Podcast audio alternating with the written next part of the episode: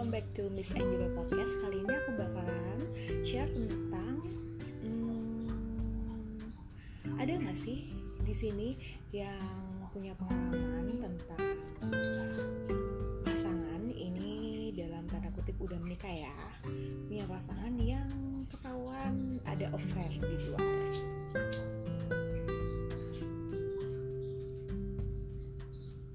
Pasti ada dong beberapa dari kalian yang sudah pernah mengalami hal tersebut. Dan kali ini aku cuma bakalan mau sharing. Hmm, kamu nih masuk tipe yang mana sih? Antara tipe A yang misalnya menggebu-gebu emosi lo labrak si pelakor dan lu jambak-jambak lu permalukan di depan umum atau lo yang stay calm aja. Dan aku bakalan pengen berbagi informasi aja ya. Tapi ini menurut sudut pandang aja untuk yang kurang setuju atau ada yang beda pendapat ya it's okay karena aku cuman pengen sharing aja. Uh, sebelum aku menikah aku punya pengalaman ini temen aku sih yang pengalaman pernah selingkuh sama suami orang gitu. Dan ketahuan terus dilabrak temen aku cerita dong sama aku kan kalau misalnya dia dilabrak seperti ini sama istrinya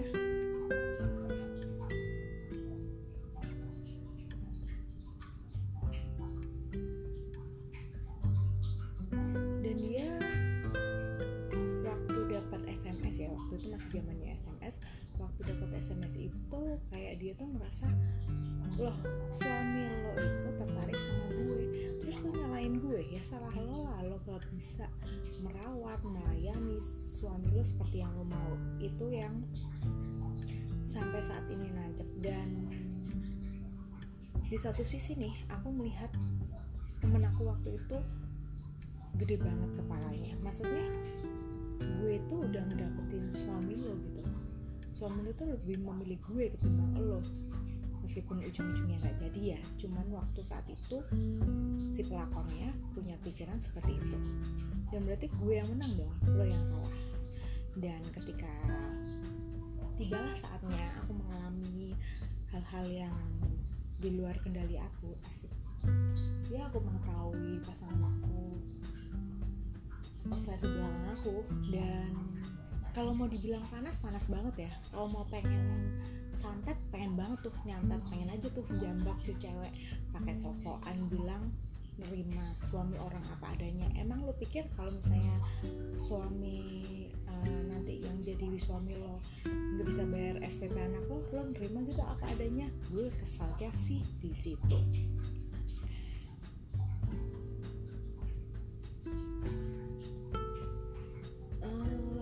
itu tuh kayak aku tuh ngerasa aku pengen tahu nih anak ini kayak gimana sih ngomongnya?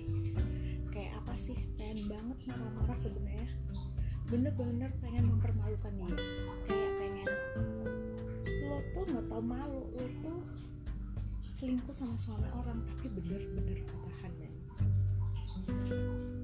Jadi kayak aku bermain cantik aja kan aku merasa kalau misalnya aku ngelabrak aku mempermalukan dia aku menyiksa dia otomatis gue yang malu menurut gue ya kayak gue itu merasa kayak ya aku emang di pihak yang kalah gitu. Terus gue mau bilang apa? Dan aku harus mempertontonkan itu ke semua orang bahwa aku lah yang kalah dan aku share di medsos. Is not cool ya masih gak munafik dong kita di medsos itu pencitraan ya kan terus setelah pencitraan kita bertahun-tahun itu terus kita bakalan merusak pencitraan itu dengan mempermalukan diri sendiri seperti itu.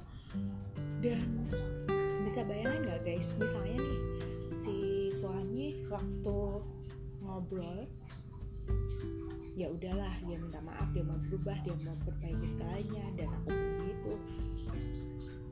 Dan lebih memilih gue daripada pelakor itu. Terus nanti misalnya aku ngelabrak dan aku mempermalukan dia aku menyiksa dia terus jadinya suami aku ilfil suami aku mungkin bisa selingkuh dengan ya mungkin bukan dengan dia tapi dengan orang lain. Kan itu kayak sama aja bohong. Karena menurut gue gue juga gak munafik gue juga pernah selingkuh dari itu kayak aku tuh jadi punya pemikiran bahwa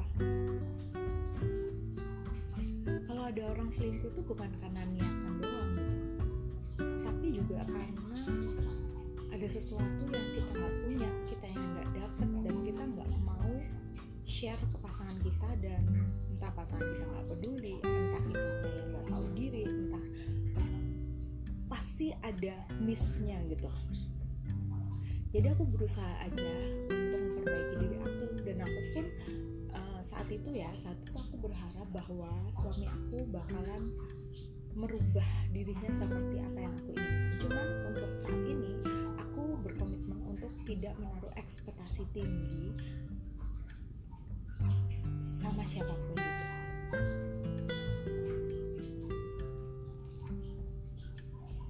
karena apa sekalinya kita nanti berekspektasi tinggi banget. Terus ternyata ada miss ada yang nggak sesuai dengan ekspektasi kita nggak kebayang dong emosi kita seperti apa. Saat ini sih aku cuma pengen belajar lebih dewasa pengen belajar lebih hmm, melihat satu masalah dari dua sudut pandang gitu. Jadi bukan dari sudut pandang aku aja. Hmm, kalau dulu sih aku sempat bilang ya udah kalau misalnya ada seseorang yang selingkuh terus ketahuan ya udah kita cerai aja. Dan anak-anak ikut orang yang nggak selingkuh gitu. Karena aku yakin saat itu aku nggak bakalan selingkuhin kamu.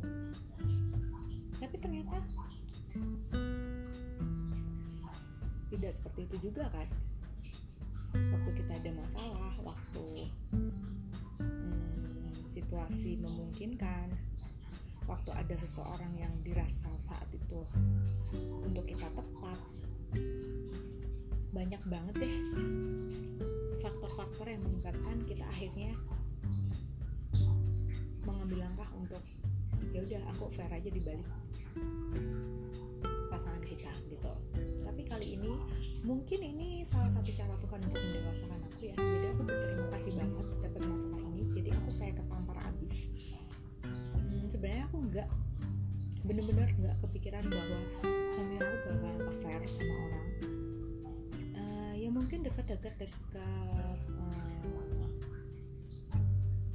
seperti itu mungkin ya. Cuman kalau kayak berhubungan hati itu kayak aku shock banget gitu loh. Kok dia bisa sedekat ini ya sama cewek itu dan ke aku enggak gitu.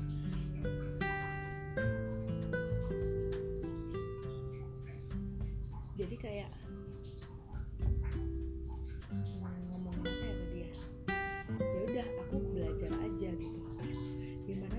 suami aku bisa.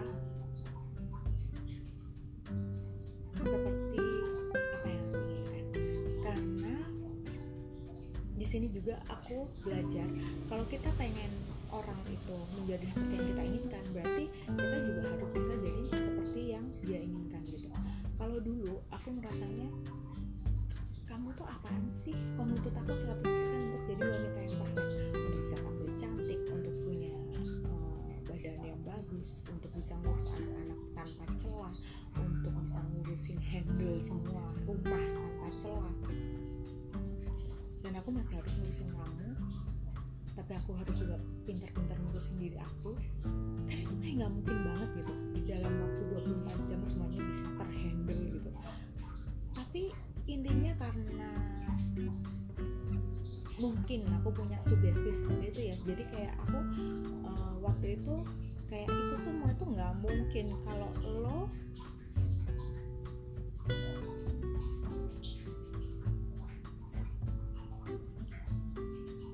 nyuruh gue 100% perfect ya udah gue juga harus 100% perfect ternyata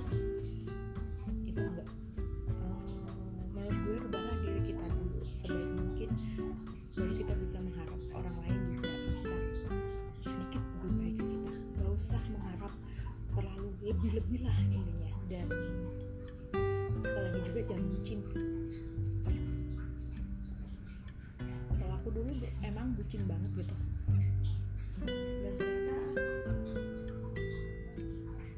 gak usah terlalu seperti itu lah karena rumah tangga itu kompleks dan kita nggak ngejalani kehidupan rumah tangga itu kayak sebentar aja. Ini butuh berpuluh-puluh tahun dengan orang yang sama dan otomatis kita bakalan boring apalagi yang dibucinin ya aja jadi udah kita melayani aja sebaik mungkin tapi kita juga harus bisa sesantai mungkin. Dan sekali lagi jangan pernah ungkit kesalahan pasangan. Karena uh, aku pernah dengar ceramah Tuhan aja maha penyayang gitu. Kenapa lo harus ungkit-ungkit kejadian yang udah lalu? Itu sih yang sekarang nancep di kepala gue. Dan itu aja sekali uh, kali ini yang aku share ya.